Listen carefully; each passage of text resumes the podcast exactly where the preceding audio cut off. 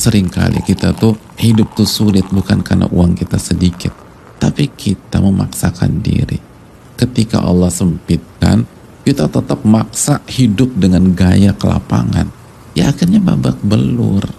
Yang membuat kita nyesek, yang membuat kita terpukul, yang membuat kita jatuh, yang membuat kita terpuruk adalah apa?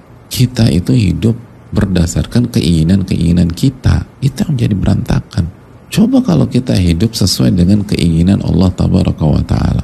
Apa yang Allah inginkan dari diri ini? Itu coba tanya deh. Kadang-kadang kita hidup 50 tahun nggak pernah nanya itu dalam diri kita. Kita hidup 30 tahun nggak pernah nanya itu. Yang kita tanyakan adalah, gue pengen ini gimana cara dapetinnya? Gue pengen itu gimana cara dapetinnya? Aku pengen ini gimana caranya? Memang hidup begitu hadirin.